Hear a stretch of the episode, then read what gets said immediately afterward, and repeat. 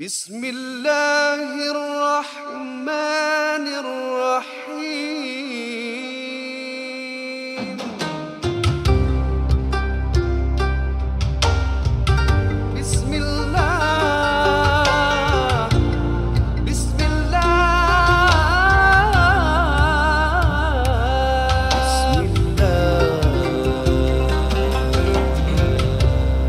الحمد لله ذي الجلال وشارع الحرام والحلال ثم الصلاة الله مع سلامي على النبي المصطفى التهامي Muslimin muslimat wow. yang kami hormati sekalian, kita bertemu sekali lagi dalam ruangan NJU bertemankan teman-teman kami di sini. Dinur Rahim ada, Raja Razi pun ada dan juga Zara Ismail pun ada. Hmm. Dan uh, sudah tentunya kita bersama yang berbahagia Al-Fadhil Al-Ustaz Muhammad Uzhan.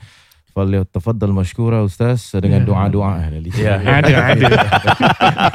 Alhamdulillah Ya. uh, pertama-tama hmm. selalu kita bertemu kita memuji Allah. Hmm. Kita memuji Allah kerana apabila kita puji Allah ni Allah janji siapa yang bersyukur dan memujinya Ya. Allah akan Hmm. tambah. La Ya, in ya. syakartum la azidannakum. Jadi ini merupakan Ah. satu janji tau. Hmm. Berbeza dengan konotasi yang lain Allah SWT berikan ada kalanya Allah sebut yaghfiru liman yasha aku beri pengampunan kepada siapa yang aku kehendaki Betul. masih tertakluk kepada kehendak Allah Hmm. eh, lafaznya begitu Hmm. tapi kalau bersyukur janji akan ditambah janji Hmm. akan ditambah cuma apa yang ditambah tu mungkin berbentuk uh, numeral Ya, mungkin ya. berbentuk kesihatan Hmm. mungkin berbentuk uh, ketaatan Hmm. amal yang soleh ketenangan Hmm. pokoknya jadi hamba Allah ni kita bersyukur dan nak mulakan majlis Ya. kita selalu menyebut alhamdulillah Alhamdulillah. Janji Allah itu ditepati. Janji manusia dicapati. Sorry. ha. Sorry. Capati ya. Capati yang Norris Road sedap. Ah, Jangan promo sangat eh. Oh, Oh, ya. airtime Ustaz eh. Janji itu pasti. Uh, podcast ini dibawakan khas kepada anda oleh teman-teman kami uh, yang melakukan korban Hmm. uh, di Kenya dan juga di Indonesia. Ya. Uh, saya nak berikan sedikit update lah berkenaan Laris, eh? dengan um, ah, Laris. Alhamdulillah. Alhamdulillah. Taklah laris mana. Ni Ha? biasa je nombor-nombor ni saya dulu pun biasa juga buat korban. Oh. Kita lihat jumlah yang telah the take up rate alhamdulillah. Hmm. Uh, nampak seperti laris tapi sebenarnya ni satu perkara yang biasa dilakukan. Ya. Um, dan um, bagi Kenya pula sedikit update lah. Ini ada sedikit permasalahan eh. Ha? kita start show je dah ada Ya, masalah. ya, ya, ya. Maksudnya kita cuma tinggal kurang lebih dalam 50 ekor saja peruntukan untuk kambing di Kenya. So macam mana cara kita dapatkan kambing di Kenya? Kita beli dahulu Hmm. dengan service provider sudah pun diketepikan jumlahnya dan uh, ada specific amount lah ya. Dan kemudiannya kalau nak ditambah lagi harganya akan naik. Hmm. Uh, jadi peruntukan yang kita dah letakkan uh, untuk Kenya tu sudah pun tinggal 50 lebih ekor saja. Ya. Jadi cepat-cepatlah dengan harga 178.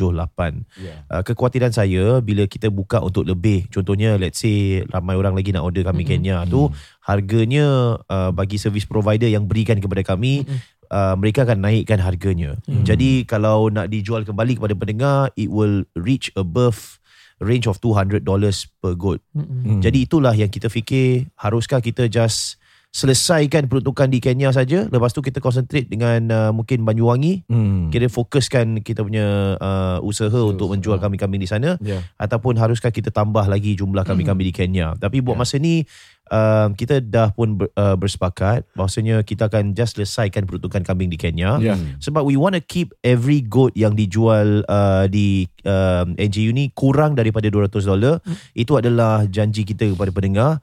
Uh, jadi kalau let's say service provider dah naikkan harga sedikit a Hmm. bit hard to keep to that below 200 dollars so I would rather pendengar kita concentrate effort mereka untuk uh, fokuskan ibadah korban di Banyuwangi pula lah setelah setelah selesai peruntukan kambing-kambing di Kenya. Jadi buat masa ni harganya 178 dolar di Kenya. Ya. Habiskan tinggal lagi 50 lebih ekor saja. Once dah selesai kita akan beritahu.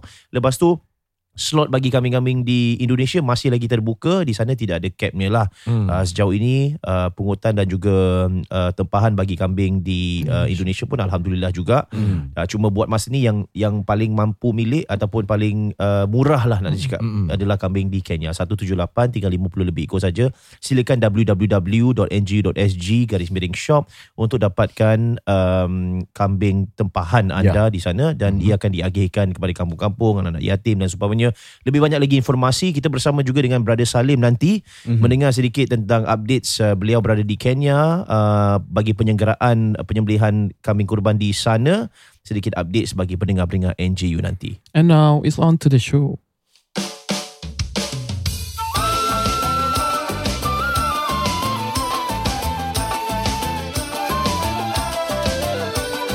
Jangan segan dan malu Marilah mendengar NGU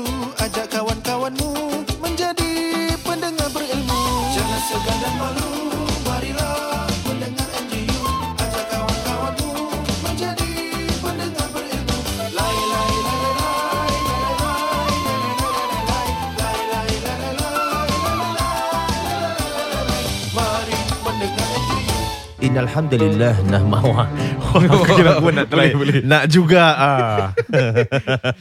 Baik, hmm. uh, kita teruskan dengan soalan-soalan uh, yang uh, berbentuk ilmiah dan hmm. uh, batiniah. Oh ya, oh, ya, ya, ya, ya. uh, silakan. Baik, uh, untuk saudara uh, ataupun yang berbahagia Ustaz Nuzhan, soalan hmm. yang dikemukakan oleh teman-teman kita. Uh, Assalamualaikum. Okay. Ya. Waalaikumsalam warahmatullahi wabarakatuh. Waalaikumsalam. Assalamualaikum NGU brothers. Thank you for doing this because it really helps a lot and also thank you for reading my question. For the past months I have been thinking about death Oh, and I am really really afraid of it. Sometimes I scared to just sleep in the dark or just to sleep. Is there any amalan untuk uh, untuk rasa kurang takut tentang kematian ni? Macam mana ustaz? Adakah Oh. ini satu masalah normal ataupun bagaimana? Mati itu pasti ustaz eh. Hmm. hmm. Jadi soalan terus eh uh, macam mana nak hilangkan rasa takut? Mati Takut kubur jawab sendiri apa? Mati, ya. Kubur jawab sendiri ya. um, sebelum saya jawab, saya rasa saya nak relate dengan satu hadis eh. Satu hadis ni yang mana baginda Nabi sallallahu alaihi wasallam bersabda. Hadisnya panjang eh. Yushiku wasallam. yushiku bikumul umam an tada'a kama tada'al akalatu ila qas'atiha. Hmm. Uh, kamu nanti umat kata Rasul sallallahu alaihi wasallam. Kamu ni nanti macam satu hidangan di tengah-tengah meja makan. Hmm. Dan akan dimakan dari kanan, kiri, atas, bawah kan. Kemudian sahabat bertanya, Awamin killatin nahnu yawma izin ya Rasulullah. Kami ni sedikit ke? Pada ketika itu ni jumlah um- umat Islam ni sikit ke ya Rasul? Sampai boleh dikeroyok dari atas, bawah, kanan, kiri dengan apa ulama sekarang kata dengan pelbagai jarum musuh dan pemikiran-pemikiran eh. Awamin killatin kamu ni kami ni sikit. Bal antum yawma idzin kathir. Nabi sebut bahkan kamu sebenarnya ramai umat Islam. Walakinnakum ghusaun ka ghusa'is sail. Tapi kamu ni macam buih di lautan. Tak ada agenda sendiri mengikut uh, apa pandangan orang, terbabit tak ada jati diri. Kemudian hadis ni panjang. Uh, wala yanzi'anna Allah min suduri suduri aduwikumul mahabbata minkum. Allah akan cabut daripada hati para musuh-musuh orang yang nak jatuhkan umat Islam Hmm.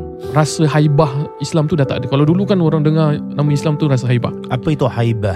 Haibah tu satu kegerunan dan penghormatan. Uh, dia macam satu Fear. karisma uh, yang Oh. ada tapi fear fear boleh. Haibah NGU. Haibah. Boleh haibah. Haibatan wa waqara. Boleh insyaAllah. Ah. Wala yakzifanna Allah fi qulubikumul wahan. Ha, tapi ini dia. Ini yang I saya nak see. relate dengan soalan Piuden tadi. Oh, oh, ya. Oh, teman kita tadi. lah. Teman kita. Oh ya. You, you baca tadi eh. yang dibacakan oleh saudara Din eh. Ha. Dan kenapa ni semua terjadi? Dikeroyok, tak ada rasa haibah lagi umat Islam padahal jumlah banyak. Kerana di dalam hati-hati mereka ada penyakit wahan. Wahan. Al-wahnu eh. Hmm. Uh, Ingat kemudian, Wuhan. Bukan, Eh, bukan, bukan, bukan. salah, salah. Maafkan saya. Uh, ya Rasulullah, faqala qailun ada seorang sahabat bertanya, "Ya Rasulullah, apa itu wahan?" Hmm. Hubbud dunya wa karahiyatul maut. Oh. Rasa cintakan sangat dunia, Hmm. terlalu hatinya Wahan. terpaut pada dunia Ya. dan terlalu benci akan kematian. Maknanya takut mati.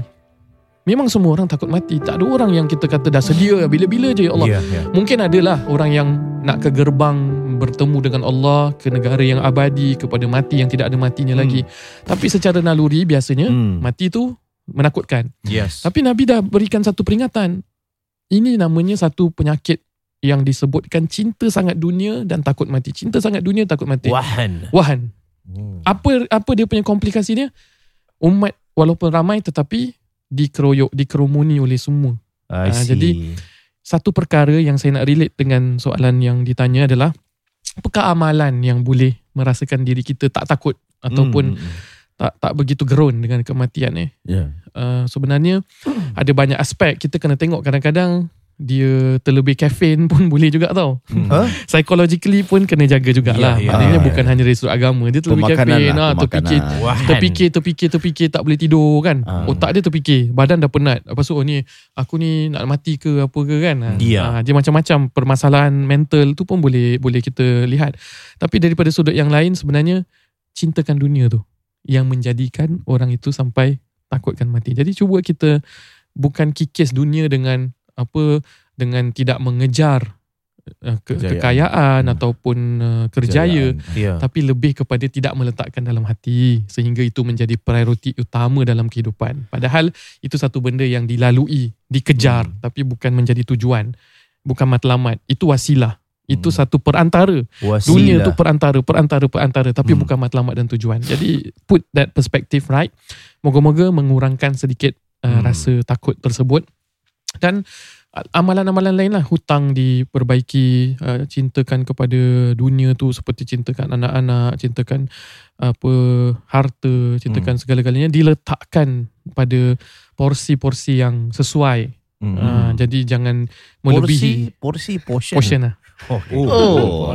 diletakkan pada Ustaz Ruzan boleh berbual lah. tak apa dia letakkan pada, Ya, ya. pada Jangan menjadi terlalu keutamaan sangat Ya. lah. Macam itulah. uh, kandungannya sesuai Wasilah. uh, kandungan cinta tu Ya. sesuai dengan di mana lah nak diletakkan so itu saya rasa satu amalan yang yang jauh juga perlu diberikan perhatian selain daripada selain daripada kita doa sunat subutul iman supaya iman kita tetap Ya. selain daripada Nabi SAW ajarkan kita lepas solat selalu doa uh, Allahumma thabbit qalbi ala dinika wa ala ta'atik. Ya Allah tetapkan hati aku dengan agamamu. Jadi kalau Aha. hati kita tetap dengan agama bermakna kita moga-moga dapat husnul khatimah jadi kerisauan kita tu kurang juga I dalam see. kematian. Pasal kita takut mati yang kita takut tu bukan hanya mati.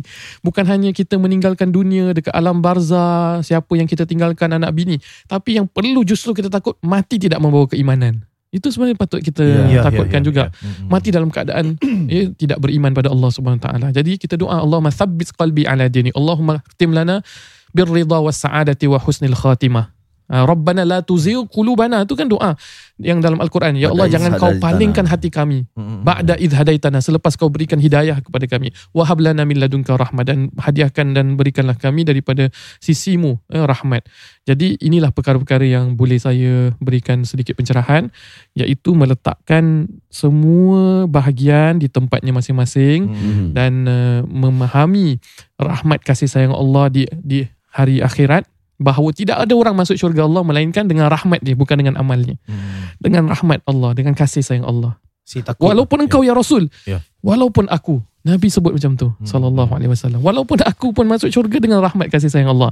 Jadi sekurang-kurangnya perkara-perkara ini menjadikan kita melihat Allah tu Maha Pengasih, Allah Ya. Maha Penyayang. Bila kita bersendirian di alam barzah, okey, surah Al-Muluk akan menemani kita. Kita baca surah Al-Muluk. Hmm. Bila kita dekat hari akhirat dengan segala segala dosa-dosa kita, Ya. kita yakin rahmat kasih sayang Allah banyak. Kita yakin dengan syafaat Nabi Muhammad sallallahu alaihi wasallam. Jadi sekurang-kurangnya moga-moga dengan ilmu pengetahuan seperti ini, dengan kedudukan hati kita, dengan amalan-amalan kita, moga-moga kita dijauhi daripada penyakit wahan mencintai dunia. Ni ni Ustaz uh, ni sebagai tambahan soalan eh macam uh, mengenai penyakit wahan ni. Hmm. Tadi Ustaz cakap tentang hubud dunia, suka dengan dunia nanti kita tak takut dengan mati. Tak takut mati tu bermaksud dalam definisi sekarang konteks sekarang ni adakah Hmm. lebih kepada macam aku tak peduli, macam aku tak nak jaga health aku. Ya. Oh, bukan. Adakah lebih kepada itu ataupun apa persepsi takut mati dalam uh, Ustaz punya ni? Bagus. Interpretasi psikologi. Ya, Ya. ya. Takut mungkin ada definisi yang tidak dimah, dipahami oleh Ya. yang masyarakat yang lain. Ya. Jadi dia bukan takut mati yang pedulilah aku tak payah jaga Ya, kesihatan ya, ya. kau nak Hmm. jadi bukan takut mati bo becau lah Hmm. Ah, bukan bo becau Esai, esai. Ah, bukan esai Ah, esai, Ah, bukan esai kan Ah, jadi bukan aku Bila-bila masling. Ah, sorry. Yalah betul lah Dia bukan heran tak heran Goyang tak goyang Minta takut mati Bukan Oh, dah buka poem. Eh ah. bukan Itu bukan Jangan. Itu gurindam Jiwa Ah. Jadi bukan takut mati yang maknanya kita Airport kat Kalang boleh? Tak ada. tak ada. Gerak-gerak Ustaz. Maafkan saya. Ya. itu Kalang airport yang lama lah. Ah, Sekarang lama Changi kan? airport. Sekarang Changi ya. ya. Okey lah. Kau buat macam nak cakap juga atas sikit tapi tak maulah. Ah, Sabar-sabar. Kita fokus kepada soalan tu. eh. Jadi bukan takut mati yang macam tu. Macam Hmm. kita berani pergi, berani rempuh. Hmm. Ataupun apa yang Din tadi sebut, kita tak jaga kesihatan. Tapi lebih kepada takut mati Hmm. yang disebutkan penyakit itu adalah cintakan dunia Oh. uh, Sampai tidak boleh berpisah lah. tidak Oh. boleh berpisah dengan harta wala tajidannahum ahrasan nasi ala hayati wallazina asyraku kata Allah kau akan ya. dapati mereka ni wala tajidannahum mereka-mereka ni orang-orang yang cintakan dunia ahrasan nas Hmm. orang yang sangat apa sangat suka sangat jaga sangat dalam Hmm. uh, kehidupan tu sampai dia tak nak berpisah dengan kehidupan. Hmm. Uh, dia tak nak berpisah dengan kehidupan padahal orang yang beriman dia tahu kehidupan ini satu amanah, satu perjalanan Hmm. dan perlu dilakukan sebaik-baiknya kerana kalau orang tu dia tak jaga diri dia dengan alasan tak takut mati bermakna dia dia tak tahu dia akan dipertanyakan dengan bagaimana dia uh, dipertanggungjawabkan dengan bagaimana dia menjaga dirinya. Faham. Orang yang sebenarnya ingatkan kematian dan ingatkan alam barzah justru merupakan orang yang tahu dia akan dipersoal bagaimana pertanggungjawaban dia pada jasad, pada roh, pada orang sekeliling, Hmm. pada amanah-amanah yang diberikan oleh Allah Subhanahu Taala. But it's hard not to really Tak think takut. about you know uh, life sebab you know bagi saya penyakit wahan tu uh, uh, pasti akan ada dalam Betul. setiap manusia cuma berapa banyak Mm-mm. You know contoh because life Hard incentivized standard of living lah kira. no I mean life incentivized like if you were to put in effort you reap rewards no matter how big contohnya Mm-mm. like Amin you know Amin masuk anugerah Hmm.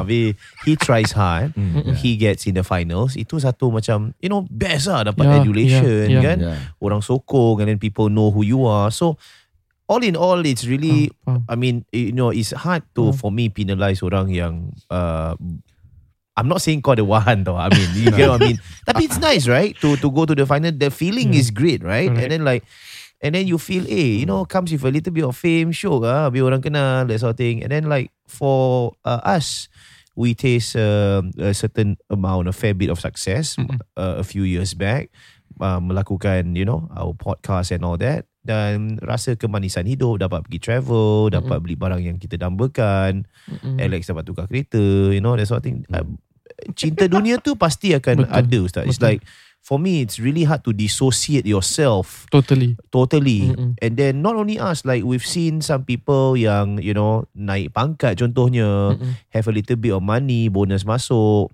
buy Mm. that you know nice bag yang diorang dambakan Mm-mm. so macam mana like for me a total eradication of penyakit Mm. wahan Mm-mm. it's kind of in a sense impossible in this day and age yang orang still look for certain forms of validation Mm-mm. ada kegembiraan bila dapat duit Ya. lebih pangkat lebih adakah salah untuk kita feel happy bila kita achieve some sort of success dan adakah itu equate to wahan yeah Ha eh, Wahan. Uh, baik. Bila Boleh saya berikan pendapat saya sedikit Boleh, Ustaz boleh, dengan bagus. apa yang Zah telah pun uh, huraikan Ya, tadi. ya. tentang kalang airport tadi Ah, ya. ah, bukan eh. Oh. Ah, ya. bukan wuhan eh Um, apa saya dapat faham daripada Ustaz ya Ya. adalah kalau contoh saya adalah seorang yang sukses, Mm-mm. saya adalah seorang yang kaya raya, Mm-mm. saya dapat uh, hasil-hasil dunia. Mm-mm. Dapat uh, apa yang saya nak beli, saya boleh beli nak pergi mana-mana, saya boleh pergi mana-mana. I got everything Mm-mm. on earth. Itu kalau sampai saya menye- menyebabkan ia menyebabkan sampai saya takut nak mati. Pasal saya takut nak tinggalkan perkara-perkara ini semua, itu adalah penyakit wahan. Hmm. Macam uh, apa yang saya faham daripada Zah yang telah Zah katakan tadi, uh, we are going for our goals or some achievement yang kita nak pergi kan. Uh-huh. Jadi, apabila kita dapat achieve apa yang kita kerjakan, Hmm. kan, tapi kita Hmm. masih takut mati lah. Ya. Pasal, yalah. I think uh, it is not really contradicting Hmm. uh, kerana dalam teks-teks hadis yang lain Nabi juga we have to take it comprehensively because Rasulullah sallallahu alaihi wasallam juga bersabda Aha. i'mal li dunyaka buat amalan untuk du- urusan dunia kamu ka'annaka hayyun abada seolah-olah kamu hidup selama-lamanya Hmm. so ada gerak apa galakan dari Rasul sallallahu alaihi wasallam seperti itu kalau kau dapati besok hari kiamat juga dan kau ada tanaman pun Nabi suruh tanam Hmm. Aha. Maksudnya teruskan usaha, teruskan apa memikirkan perkara tu. Tentang tentang gembira pula. Itu satu benda yang kadang-kadang orang ingatkan oh kalau aku be more Islamic aku tak boleh terlalu gembira-gembira. Hmm. Aku kena selalu sedih-sedih, nangis-nangis. Tidak, Ya. tidak. Kerana gembira itu sebahagian daripada elemen bersyukur. Hmm. Mekanisme hati yang bersyukur tu, Hmm. bersyukur tu ada dengan perbuatan, kita melakukan amalan satu Hmm. penterjemahan ataupun satu manifestasi kegembiraan dan syukur kita. Hmm. Kita mengucap alhamdulillah tu satu terjemahan Ya, terhadap syukur. Tapi hati kita tu apa sebenarnya hati yang bersyukur? Hmm. Hati yang bersyukur tu apa? Cuba kita perhatikan betul. Bila kita bersyukur, what exactly do we feel? We feel happy. Hmm. We feel happy, gembira dapat sesuatu, gembira. Jadi kegembiraan itu tidak pernah di, di, disangkal oleh agama untuk merasa gembira. Jadi sila rasa gembira dan tidak pernah agama menyangkal untuk berjaya ataupun gembira atas kejayaan itu. Tak pernah. Tapi bagaimana dia tidak berbekas di hati seolah-olah kita tak boleh berpisah dengan perkara tersebut sedangkan kita ada matlamat yang lebih abadi dan gembira. Maknanya kita kita Nak kena achieve balance milestone lah kira. of balance and we achieve Hmm. milestone demi milestone silakan gembira dengan milestone milestone A bila kita dulu ambil A levels bila dulu kita PSLE bila kita Hmm. dulu silakan but is that the the end no there are a lot of more things to come Long way to go. Kan? Yeah. So silakan gembira dengan adanya anak, adanya perkahwinan, adanya pangkat, adanya kejayaan, adanya Yeah. kekayaan, adanya kesihatan. Tu, ada orang badan dia sihat, fit kan, dia gembira alhamdulillah. Yeah, yeah. Silakan. Tapi that is not everything. That Hmm. there are more things that is rewarding and that is more of objective uh, yang kita lihat di alam barzah baik a meaningful relationship baik with Allah Subhanahu Wa Taala with Hmm. uh, human fellow human beings. So silakan celebrate milestone. But at the end of the day juga ada matlamat-matlamat yang uh, perlu kita merasa gembira di hari kemudian. Baik, Actually kasih, dua Ustaz, tadi eh. joke saya nak masukkan tak dapat selit tadi. Apa, apa, apa? Yang pertama bila Ustaz katakan tentang uh, wahan kan. Mm-mm. Ah. Ha, saya nak kata tapi Ustaz kalau contoh saya terkejar-kejarkan nak tangkap ikan jahan macam mana? Ini satulah. Ya, Aku nak masuk wa, kalau wahana, Oh. wahan dengan wahana. Hmm. Ah, masuk okey, juga. ada juga, ada juga. Next, Ha, yang kedua pula tu bila Ustaz cakap ah, kita yang penting kita nak kena mati dalam iman kan. Hmm. Tapi kalau orang yang mati habis dia katakan aku mati dalam iman. ha, ni kira aku dengan Ustaz Nuzan punya Oh ya. lingo lah. Pasal dia landing atas bantal lah. Ah, ya, ya. Thank you. I What think the hell, man? Dua lah tapi tak sempat lah. Ya. Tak sempat lah. Well, Oh. okay baik. Teruskan. Seterusnya soalan ni katanya hello. Ah, Oh, dia hello. Dia salam ni. Dia hello. Saya nak tanya Ustaz Nuzan, hmm. apa hukum menggerakkan atau menghayunkan tubuh badan Oh. waktu berzikir? I find it rather disturbing sometimes. I even tegur my husband, jangan hayunkan badan sangat waktu berzikir. I feel it's disrespectful and could be the habit out of seeing other people's habit when they do it. Boleh share sikit? Terima kasih. Me and my husband are big fans. Baik Ustaz, ah, sebelum Ustaz teruskan dengan Okay. hujah-hujah Ustaz ya. Saya nak kongsi satu pengalaman saya lah. Hmm. Dulu saya ada pergi camp Mm-mm. di masjid-masjid. Masya Allah. Camp belia dan beliawanis cemerlang. Ah betul betul. Kau tengah buat ni tilawaton ni. Apa? Ah bukan bukan bukan. bukan. Yang ujung-ujung pertemuan kita. Oh, tak ada juga. Tak ada Apa? nyanyi Tak ada juga. Tak ada, Oh, tak ada. ada. Jadi saya camp ah, satu hari di sana Hmm. di Masjid Darul Gufran, Tampines. Oh, ya. oh, itu dulu youth memang very vibrant sampai very very sekarang. Sampai vibrant. sekarang juga. Yes, jadi memang saya join banyak camp ya di camp ni di Pulau Ubin ya. Mm-mm. Ah jadi belajar agama lah. Kejap eh, kejap eh. Ah. NGU tak nak buat camp belia ke? Weh, Belia dan bagus tu. beliwanis. Nanti Boleh. Kita buat betul-betul Saya akan draft kurikulum dia Boleh, boleh. Kita buat ada sesi kuliah Oh, Forum wow. Yalah. Kita kita didik macam mana nak you know public speaking ya. Habis ada part tilawah dengan ustaz-ustaz berkaliber masuk Masya Allah. Kasih package yang mampu milik Untuk Hmm. mereka hantar macam 3 days 2 night ke apa Ya. Bukanlah apa uh, You know Kau graduate bukanlah terus jadi da'i ke apa Tidak Ya. Tapi macam you know You learn skills Ya. you know orators of great speech and then Hmm. after that uh, they be able to go to group activities ada macam Hmm. debates Aha. Ya. woke debates tapi kau kena fight woke kira agama I think I think that's a good initiative. Kita akan draft some objectives from the camps yang Yeah. yang mana objektif tu sangat uh, Ya, terkena dengan apa DNA NJU tu sendiri. Ya, ya. Dalam masa yang sama uh, apa orang kata uh, kebolehan dan juga uh, skills daripada apa yang diperolehi oleh para podcasters kita boleh diturunkan. Ya, Hmm. ya, Dan yang penting kita nak nampak matlamat daripada mereka dah jumpa tu, mereka keluar sebagai ambassador NJU. Uh, Ya. itu. Boleh insyaAllah dekat Kampung Nudin eh, kita buat nanti eh. Oh insyaAllah Saya dah fikir uh, Saya dah aim ma- Macam camp Sarimbun Ataupun Oh. camp Pulau Ubin lah Pulau eh. Ubin Pulau Ubin um, Ada ke? Ada Sana ada, Ada macam outbound sekarang, Ada kan? chalet-chalet juga Chalet-chalet juga Hmm. Tapi Diorang cakap ada banyak pontianak Yelah Itulah kena fight Pontianak Dia One of kena- the kena module berani, fight. Pontianak Sudah Tayar pancit aja takut Rukiah 101 Okey hari ni awak semua akan berdepan Uji dengan nyali. Awak akan berdepan dengan 13 Pontianak Okey Ini ayat-ayatnya Pergi hafal sekarang Oh, wow. uh, Lepas isyak Jam 10 malam Datang sini Dan kemudiannya kita tengok Siapa dapat kalahkan Pontianak Eh, aku nak ajar yang silat yang bila orang serang aku tolak orang boleh terbalik. Itu ada. Tapi Tapi kadang-kadang nanti ada Ada orang cabar Ada master tau. Tapi master dia kena pukul rabak. Ah tu lah tak bergurau saja tak. Yang tak campak boleh. tu batu ke? Dia buat, dia buat macam gitu kan? Lepas tu ya, macam ya. orang cabar. So master dia macam Nak cuba pelan-pelan. Tapi orang tu geram Orang tumbuk banyak kali tau banyak kali Habis kena pula master tu. Kena. Kena apa? Eh, kelakar. Kita camp tu viral eh. Kalau say, camp NJU kau di, di tengah. Hu hu hu orang dah Ah, saja. Nak tarik terbalik. Eh, air apa orang ajar ni? Okey sorry kau cakap apa tadi? Pada- Jadi Ustaz kat ah, Pulau Ubin. hmm, Dekat camp tu kan. Jadi uh, Ustaz-ustaz orang lama Maafkan saya Saya lupa nama-nama mereka. Apabila kita nak berzikir malam tu Ustaz Mm-mm. Dia La ilaha illallah. Mm-mm. La ilaha illallah. Jadi la tu kepala Toleh ke kanan. Mm-mm. Ha illallah. Il tu tekan sikit Kepala dekat hati kita sebelah kiri kan Mm-mm.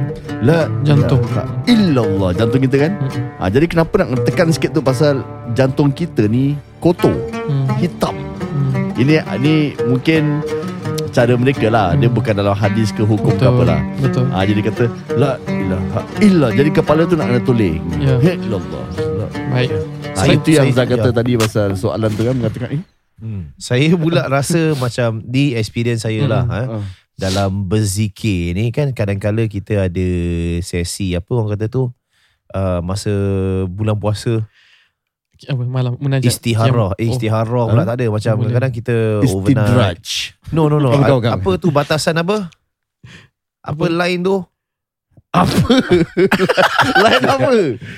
Ada batasan line merah, merah. untuk uh, kau beribadah and all that kat musola. Etikaf Ah, Oh, kita oh, beritikaf oh, kan. itikaf. Zaman saya warak dulu lah Ustaz eh. Eh, sekarang? Ah, i- Lagi sekarang kita itikaf kat rumah je. Ya, Alhamdulillah. Eh boleh ke? Apa hukum saya?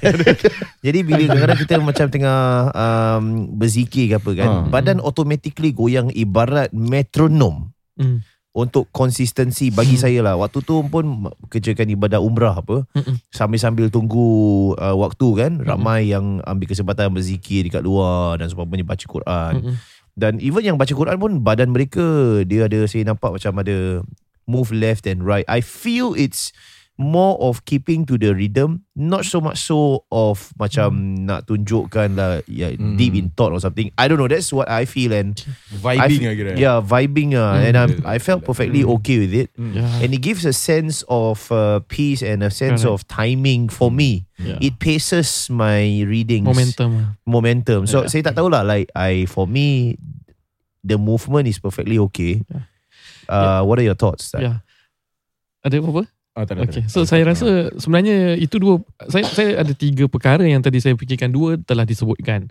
Um, bila kita sebut tentang zikir, Hmm. makna zikir dahulu kita definisikan. Zikir dia boleh membawa maksud mengingati Allah. Bermakna kita mengingati Allah. Alladzina yadhkuruna Allah qiyaman wa qu'udan wa ala junubihim wa yatafakkaruna fi khalqis samawati wal ard. Ya, dalam surah Ali Imran Allah sebut Hmm. orang-orang yang mengingati Allah Hmm, hmm, secara berdiri, qiyaman wa qu'udan hmm. dan juga secara duduk. Hmm. Ha, qiyam ada, duduk ada. Ah. Wa ala junubihim dan mereka apabila berbaring. Hmm. Bermakna zikir mengingati Allah itu tidak tertakluk kepada uh, pergerakan kita dahulu. Yeah. Jadi kena ingat Allah sebut ada orang-orang yang berzikir mengingati Allah apabila berdiri, duduk dan berbaring. Baring. Itu dalam konteks Al-Quran. Ah. Bermakna kita tidak boleh langsung menyalahkan se, se, secepatnya. Tapi juga kita tak boleh uh, secepatnya menyatakan orang berzikir sambil terlompat-lompat itu semua digalakkan juga. Sedangkan oh. kan takut kita buka ruang menyatakan oh zikir ni boleh sambil baring sambil duduk. Oh jadi kalau gitu aku sambil lompat-lompat sambil Saya dah nampak video. Ustaz. Ada Saya- banyak. Ah. Dan TikTok. Ya, jadi kita tak boleh nak membenarkan atau menyalahkan dahulu dari sudut syarak-syarak dulu. Uh, tapi selain daripada tu, zikir juga dalam Al-Quran konteksnya boleh jadi Al-Quran tu sendiri sebagai zikir. Inna nahnu nazzalna zikr wa inna lahu lahafizun. Sesungguhnya kami turunkan az-zikir satu Ya. peringatan iaitu Al-Quran. Jadi zikir tu didefinisikan dahulu. Adakah mengingati Allah ataupun sembahyang. Sembahyang pun uh, wa aqimis salata li zikri. Uh, dirikan sembahyang Hmm. eh, untuk mengingati aku. Jadi sembahyang pun dalam konotasi Al-Quran disebut sebagai zikir. Jadi yang kita nak nak betul-betul uh, faham di sini zikir yang orang sebut Allah ke la ilaha illallah ke subhanallah kan sambil bergerak-gerak. Ada pandangan Syekh Ibn Uthaymin juga eh uh, ulama Saudi menyatakan tidak mengapa kalau seseorang itu membaca Al-Quran sambil bergerak. Maksudnya badan dia kan kadang-kadang ada orang dia hafal Quran gini tau. A'udzubillahi minasyaitonirrajim pasal dia baca fa in lam taf'alu wa lan taf'alu fattaqun nar allati waquduha an-nas wal hijara wa iddat lil kafirin. Pernah nampak kan dia goyang-goyang Hmm, kepala kan, ya. goyang-goyang badan sambil. Jadi mereka kata tak mengapa. Apa pasal apa? Mereka menyandarkan seperti apa yang Zal sebutkan tadi lah.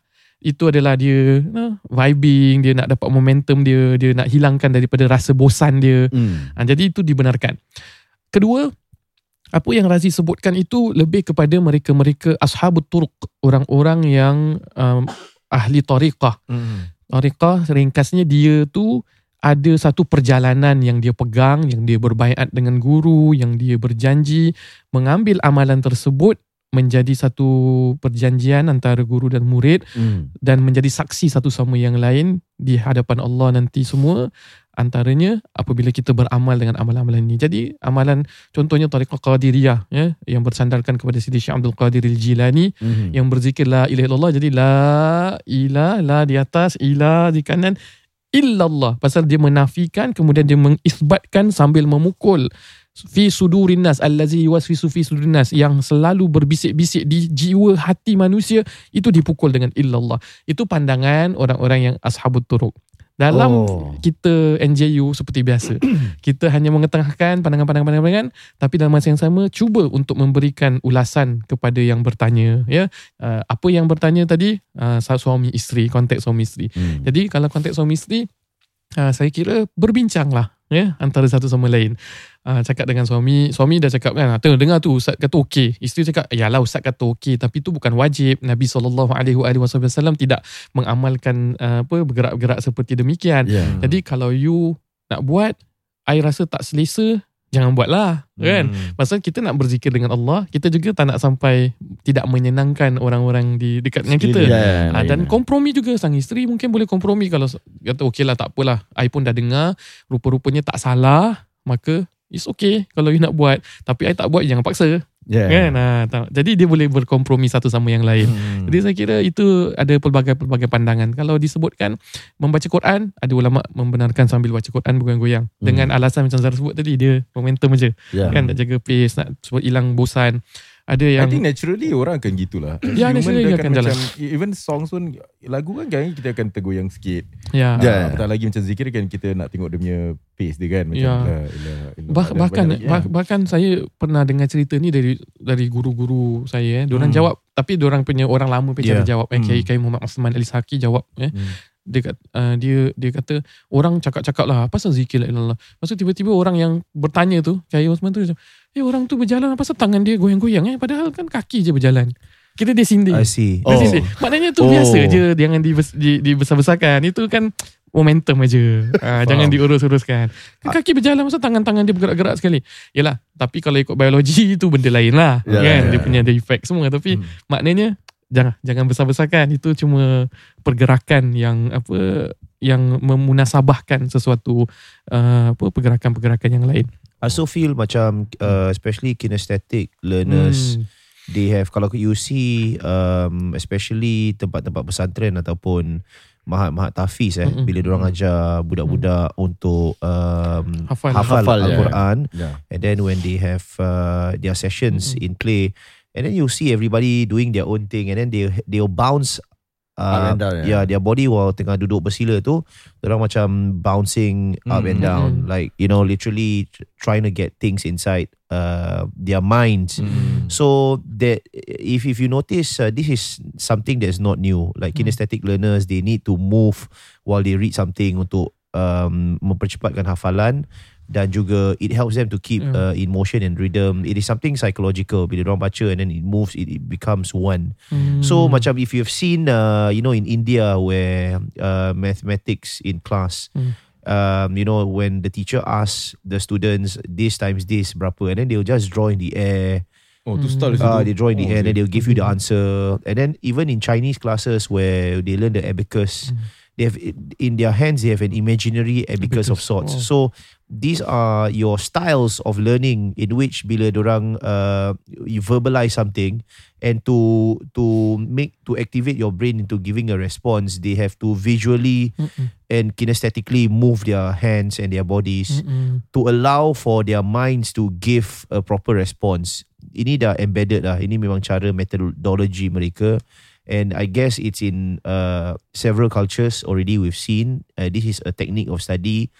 I I, I feel mungkin uh, for zikir and also for pembelajaran Al-Quran in recitation even when you move certain parts of your body, it helps in uh, regurgitating dia punya surah. You know, it helps in keeping your mind at ease because kau dah terbiasa dengan benda tu. Hmm. Yes, you can call it habit, whatever it is lah. Hmm. But it is something that if it, for me the bigger the bigger issue is okay lah, at least husband kau zikir. Yeah. Daripada tak zikir, would Yeah, you yeah. would you rather Yeah, yeah. him not do this or would you rather him do this? Because if he do this and then he have to move his body, by all means allow him to do so. Yeah. And I know it's it irritates you.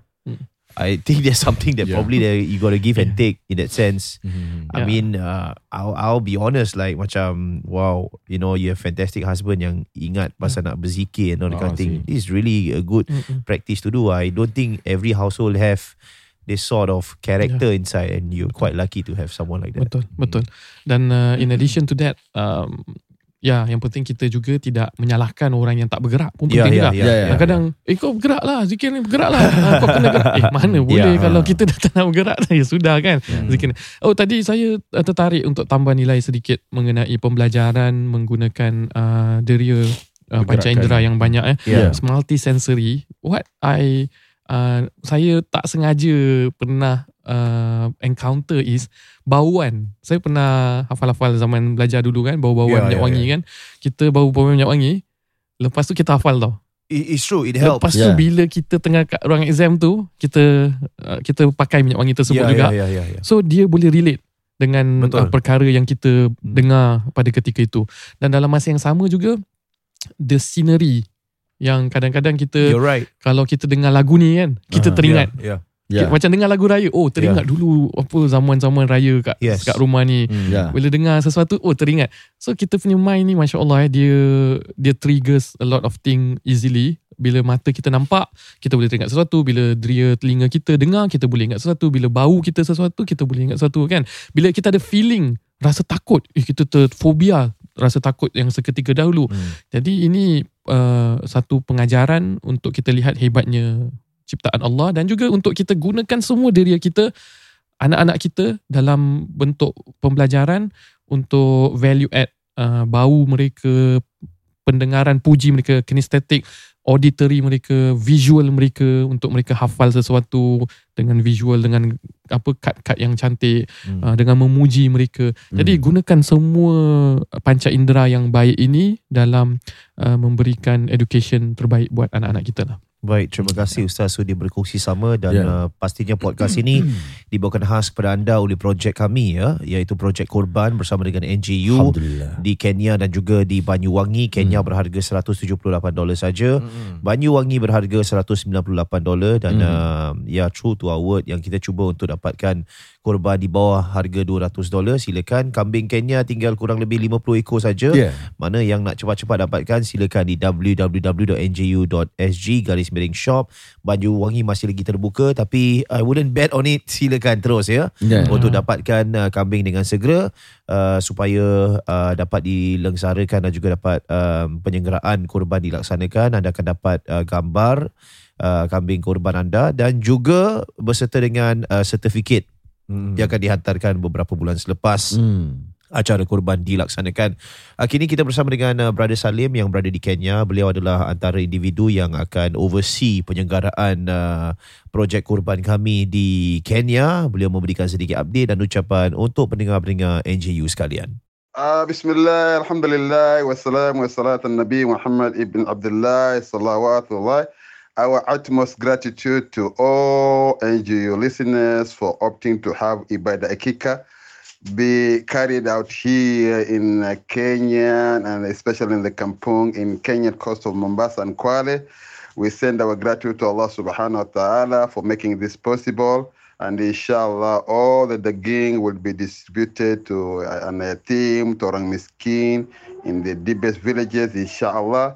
And we say that Allah may accept all for all the NGO listeners and all the participants in this year's Eid al-Hijjah Qurban. May Allah facilitate ease in our affairs. And inshallah, the daging, you can be rest assured to the orang miskin and the team, they will be immensely, immensely be a joy. They'll be grateful. And subhanAllah, they will not know that all this coming from Singapore.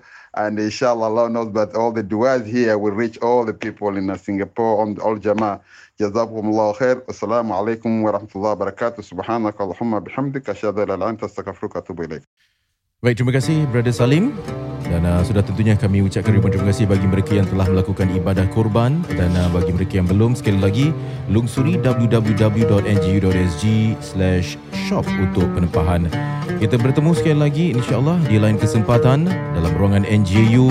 Ila liqa. Assalamualaikum warahmatullahi wabarakatuh.